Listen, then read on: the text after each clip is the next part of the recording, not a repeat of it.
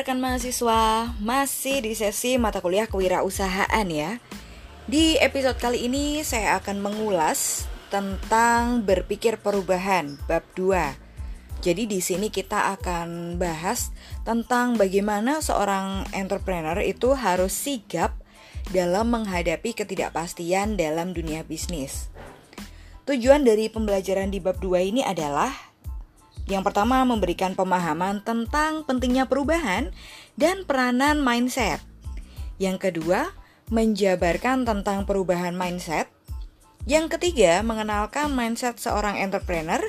Dan yang keempat, kita akan belajar tentang mengenal teori kecerdasan finansial. Oke deh, tetap stay tune ya.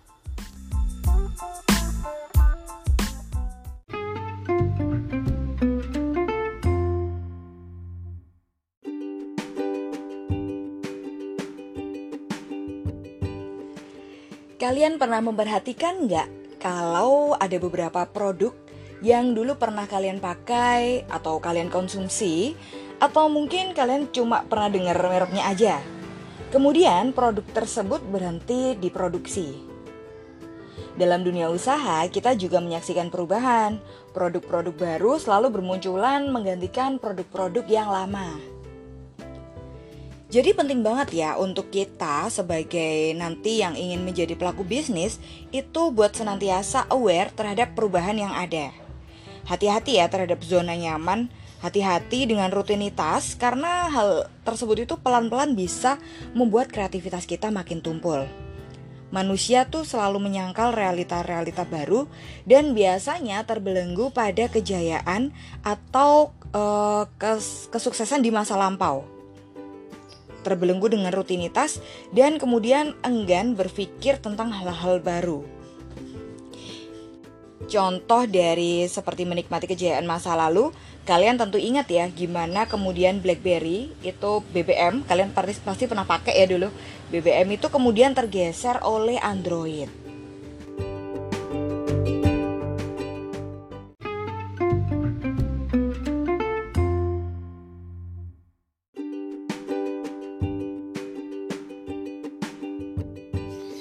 Berpikir perubahan itu apa sih? Berpikir perubahan itu adalah berpikir inovasi. Mencoba hal baru untuk berpindah dari posisi awal ke posisi yang lebih baik. Salah satu contoh yang uh, kita lihat dari berpikir perubahan adalah misalnya seorang pegawai kantoran yang dulunya itu sering disuruh-suruh, kini bisa menjadi seorang entrepreneur yang sukses. Kenapa? Karena ada upaya untuk mengubah mindset yang bisa membuatnya lebih baik dari sebelumnya. Dalam berpikir perubahan, seseorang diharapkan bisa memiliki pola pikir yang produktif. Pola pikir seperti inilah yang akan bisa menciptakan ide baru sekaligus dapat membuat seseorang bisa melangkah lebih jauh lagi dalam mengeksplorasi kemampuannya. Jadi penting ya kata kuncinya adalah mengeksplor kemampuan dan potensi yang dimilikinya. Jadi seorang entrepreneur diharapkan tidak hanya terpaku pada apa yang udah ada sebelumnya, yang mungkin malah bisa bikin apa stagnan ya, stagnan jalan di tempat. Entrepreneur itu harus membuka diri untuk bisa melihat, uh, sorry, melihat kemungkinan-kemungkinan yang baru yang ada di depan.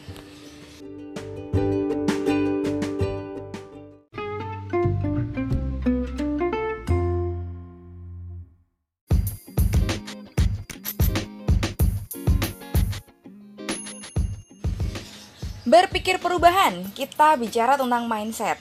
Mindset itu adalah keseluruhan atau kesatuan dari keyakinan yang kita miliki, nilai-nilai yang kita anut, kemudian kriteria, harapan, sikap, kebiasaan, keputusan atau pendapat yang kita keluarkan dalam memandang diri kita sendiri, orang lain maupun cara pandang kita terhadap kehidupan ini. Mindset itu semacam filter gitu ya yang kita bangun untuk menafsirkan apa aja sih yang kita lihat, apa aja sih yang kita rasakan gitu.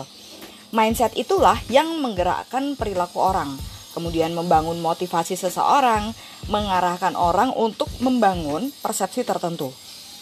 Misalnya nih contoh, kalian tahu ya Indonesia itu punya produk-produk unggulan. Bicara tentang kualitas, banyak loh sebenarnya produk Indonesia yang punya kualitas nggak kalah gitu dibandingkan produk luar. Namun, ketika dilempar ke pasar, produk luar negeri itu ternyata lebih laris.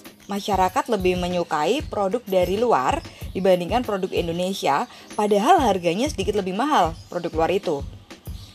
Kenapa? Karena mindset masyarakat itu kebanyakan lebih bangga ketika mereka pakai merek dari luar. Nah, itulah kenapa sekarang digerakkan ya support lokal brand. Ya, untuk menciptakan kebanggaan generasi muda terhadap brand-brand lokal yang nggak kalah keren kok sebenarnya kalau secara kualitas.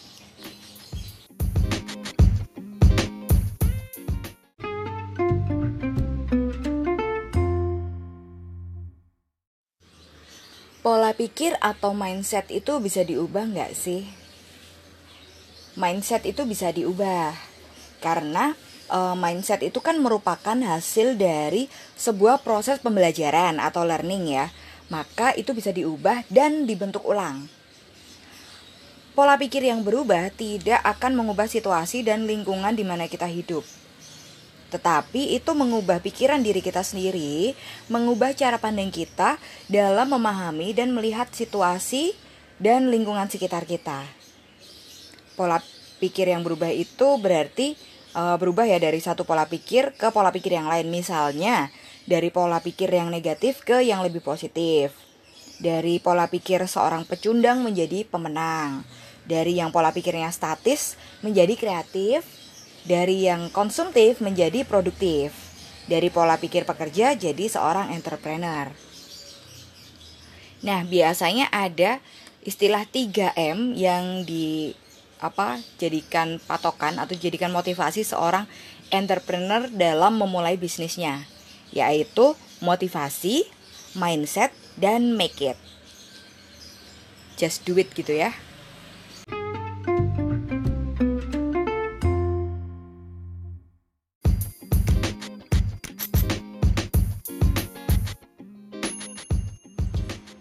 Sekarang kita mau belajar tentang fixed mindset dan growth mindset.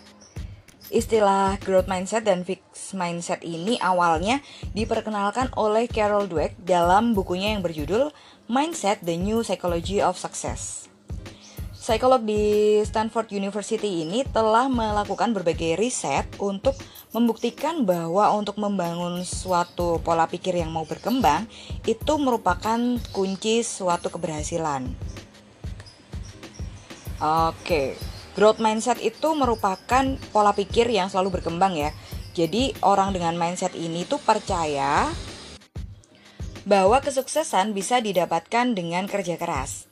Pemilik growth mindset biasanya berpikir bahwa kecerdasan atau bakat itu hanya titik permulaan dan tidak bergantung hanya dari bakat yang dimiliki saja. Jadi mereka ini percaya bahwa suatu keterampilan bisa dihasilkan dari sebuah pembelajaran dan bekerja keras yang nantinya akan membawa kepada kesuksesan. Jadi mereka dengan growth mindset ini tidak percaya dengan adanya orang yang pintar atau orang yang terlahir berbakat. Karena itu semua sebenarnya bisa diusahakan. Sedangkan untuk fixed mindset itu merupakan pola pikir yang percaya bahwa kecerdasan atau bakat yang dimiliki sifatnya akan tetap dan tidak akan berubah. Orang-orang dengan fixed mindset ini percaya bahwa bakat yang dimilikinya itu berkontribusi, berkontribusi besar pada kesuksesan tanpa mereka perlu melakukan upaya yang ekstra keras atau bekerja keras banget. Jadi mereka yang berpegang dengan fixed mindset selalu percaya bahwa mereka adalah orang yang pintar sehingga mereka tidak perlu berusaha dan bekerja keras untuk menggapai kesuksesan.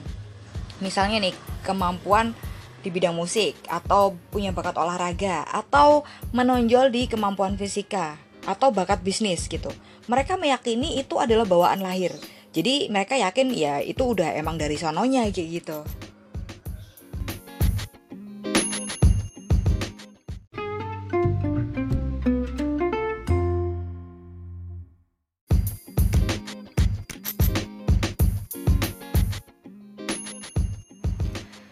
Sekarang kita mau lihat ya, apa sih bedanya pemilik growth mindset dengan fixed mindset yang bisa kita lihat dalam kehidupan sehari-hari.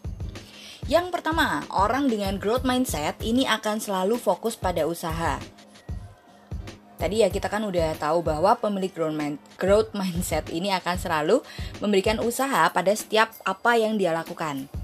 Jadi orang-orang ini akan mendorong dirinya untuk selalu berani dan nyobain hal baru.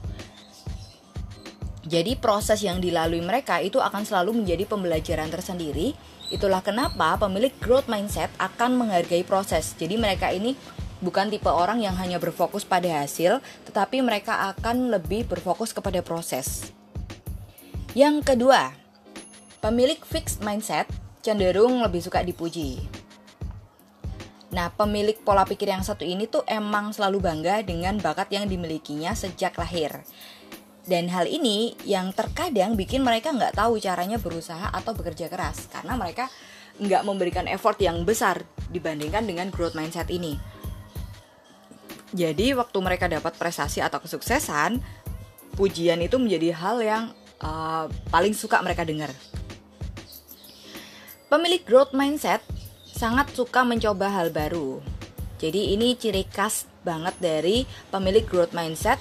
Mereka itu suka banget untuk mengulik sesuatu yang masih asing buat dia. Ini beda banget ya dengan orang-orang yang fixed mindset yang merasa selalu puas dengan bakat yang dimilikinya sehingga mereka tidak terlalu tertarik untuk mencoba atau mengeksplor hal yang baru. Itulah kenapa kalau nanti di dunia kerja, biasanya orang-orang dengan growth mindset ini akan lebih suka keluar dari zona nyaman mereka dan mencoba peluang barunya. Yang keempat, pemilik fixed mindset itu cenderung lebih takut untuk mengambil risiko. Jadi ini bukan bukan kebiasaan dari orang dengan fixed mindset ya. Karena saat udah berada di posisi yang nyaman, mereka tidak akan mencoba hal baru. Mereka ini suka cari aman gitu ya. Uh, itulah kenapa mereka berpikir untuk lebih baik ya stay di tempat aja gitu daripada bergerak ya nantinya gagal kayak gitu. Yang kelima, ini tentang growth mindset dan fixed mindset saat menghadapi atau menanggapi kritikan. Jadi, uh, orang dengan growth mindset ini akan melihat sisi positif dari kritikan yang dia dengar. Bahkan mereka akan melihat hal itu uh, untuk menjadi apa nih pengembangan dari dirinya sendiri. Mereka lihat, oh ternyata masukan ini bisa saya pakai untuk saya evaluasi diri tetapi berbeda dengan yang fixed mindset. Mereka biasanya ketika diberi kritik, mereka akan menanggapinya dengan negatif. Kritikan yang mereka terima itu dianggap terlalu personal dan ya dianggapnya nih orang-orang orang ini kayak mau jatuhin aku aja gitu. Kayak golek-golek masalah gitu ya. Nah, jadi mereka cenderung membenci orang yang telah mengkritiknya. Kemudian perbedaan ketika orang dengan growth mindset dan fixed mindset ini menghadapi kesulitan. Jadi buat orang dengan growth mindset, kesulitan itu adalah challenge yang emang harus ditaklukkan gitu. Walaupun gagal, mereka nggak akan menyerah, malah mereka akan evaluasi kegagalan ini, berjuang lebih keras. Tetapi beda dengan fixed mindset yang lebih mudah menyerah ketika menghadapi kesulitan. Sehingga Waktu mereka gagal nih, mereka akan susah untuk bangkit lagi. Aku terjatuh dan tak bisa bangkit lagi, kayak gitu. Nah, jadi uh, dari sekian penjelasan tadi ya perbedaan itu, kita bisa simpulkan bahwa pola pikir growth mindset itu lebih terbuka dengan tantangan dan mereka adalah orang-orang yang mau belajar dengan hal baru. Mereka adalah orang yang bisa berkembang untuk lebih lagi tetapi fixed mindset akan lebih mudah berpuas diri ketika mereka udah dapat kesuksesan dan mereka ini tidak terlalu berani untuk mengambil risiko. Mereka lebih suka untuk bermain di zona nyaman kayak gitu.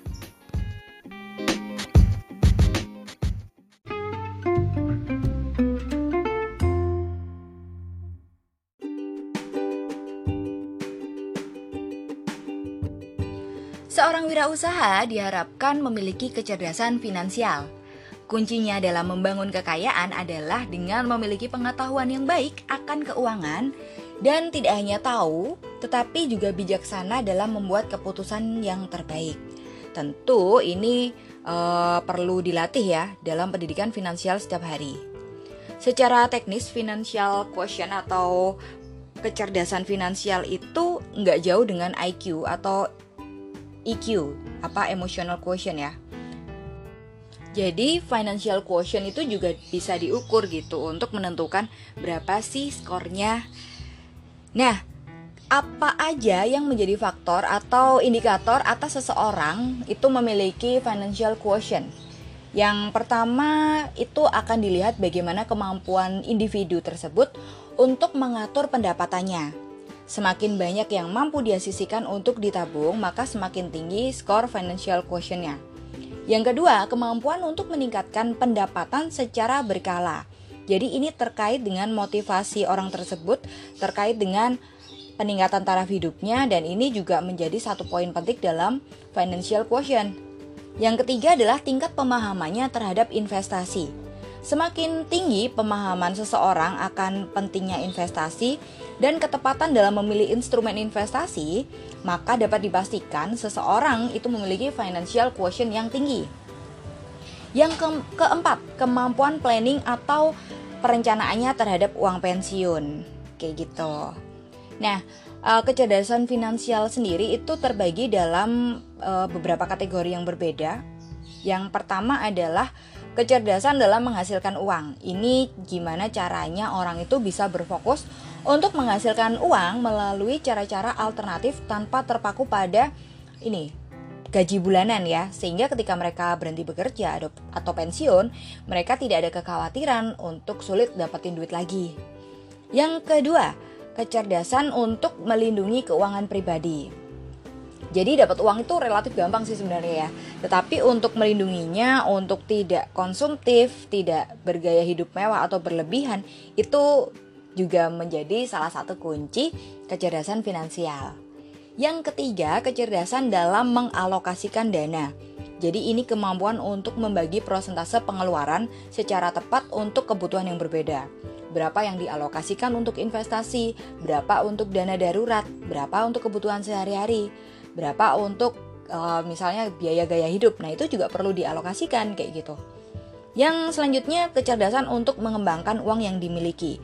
Jadi, ini adalah kemampuan seseorang untuk memperbanyak dana segar di tangan sehingga menghasilkan keuntungan yang berlipat ganda. Dan kemampuan, eh sorry, kecerdasan untuk mencari informasi dan mengubahnya menjadi peluang. Seseorang dengan kemampuan finansial, keterampilan finansial yang satu ini bisa mendapatkan informasi yang kemudian dijadikan sebagai acuan untuk dia melihat peluang apa sih yang bisa dihasilkan dari hal ini, kemudian dia bisa dapat keuntungan dari informasi tersebut.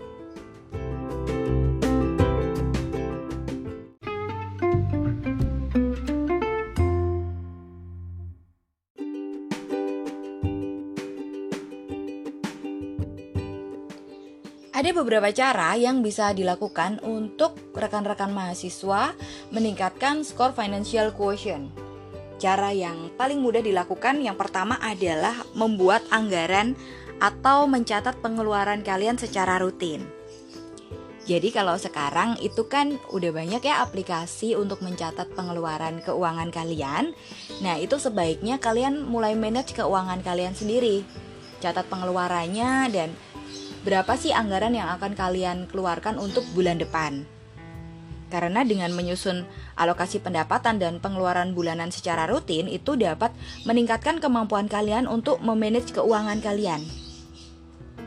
Jadi uh, dibagi nih pengeluarannya dalam kategori-kategori misalnya belanja belanja rutin nih kebutuhan sehari-hari atau kebutuhan anak mahasiswa tuh apa sih gitu kan yaitu berapa dialokasikan kemudian kalian mau nabung berapa Terus biaya gaya hidup ini juga perlu nih biaya sosial sama teman-teman, biaya kuota internet.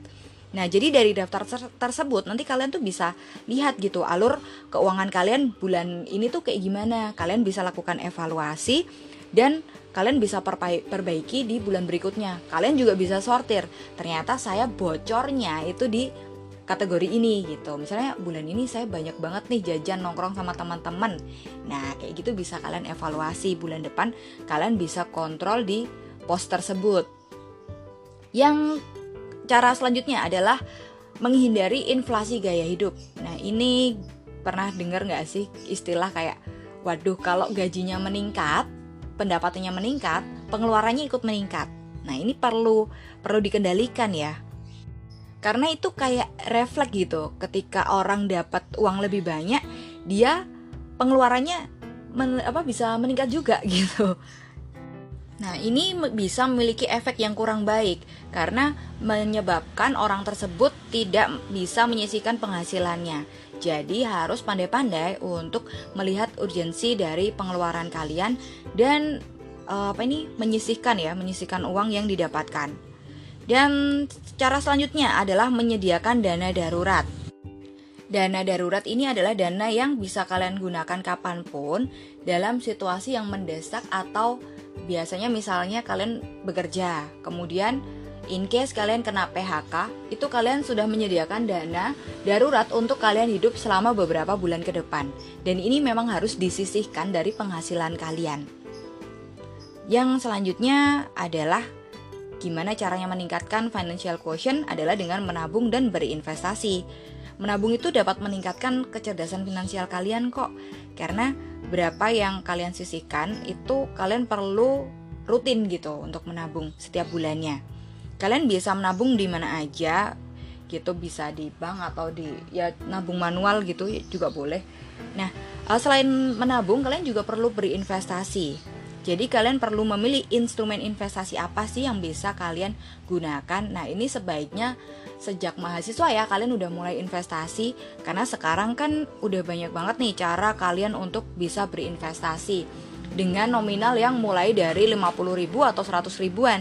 Daripada duitnya kalian buat beli apa nih kopi-kopi kekinian atau minuman boba kalian investasikan. Itu itu di dalam jangka panjang nanti bisa menghasilkan keuntungan buat kalian sendiri dan kalian bisa pakai aplikasi bahkan sekarang marketplace pun juga menyediakan instrumen-instrumen investasi yang harganya cukup bersahabat buat rekan-rekan mahasiswa.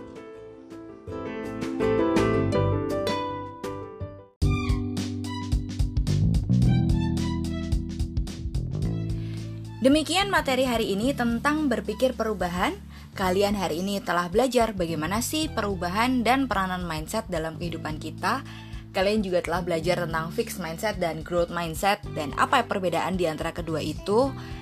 Kalian juga hari ini telah belajar tentang kecerdasan finansial dan bagaimana pentingnya untuk memiliki financial quotient yang tinggi sehingga kalian dapat menyusun perencanaan untuk kehidupan yang lebih baik tanpa harus mengandalkan gaji saja. Sampai jumpa di episode berikutnya. Bye bye.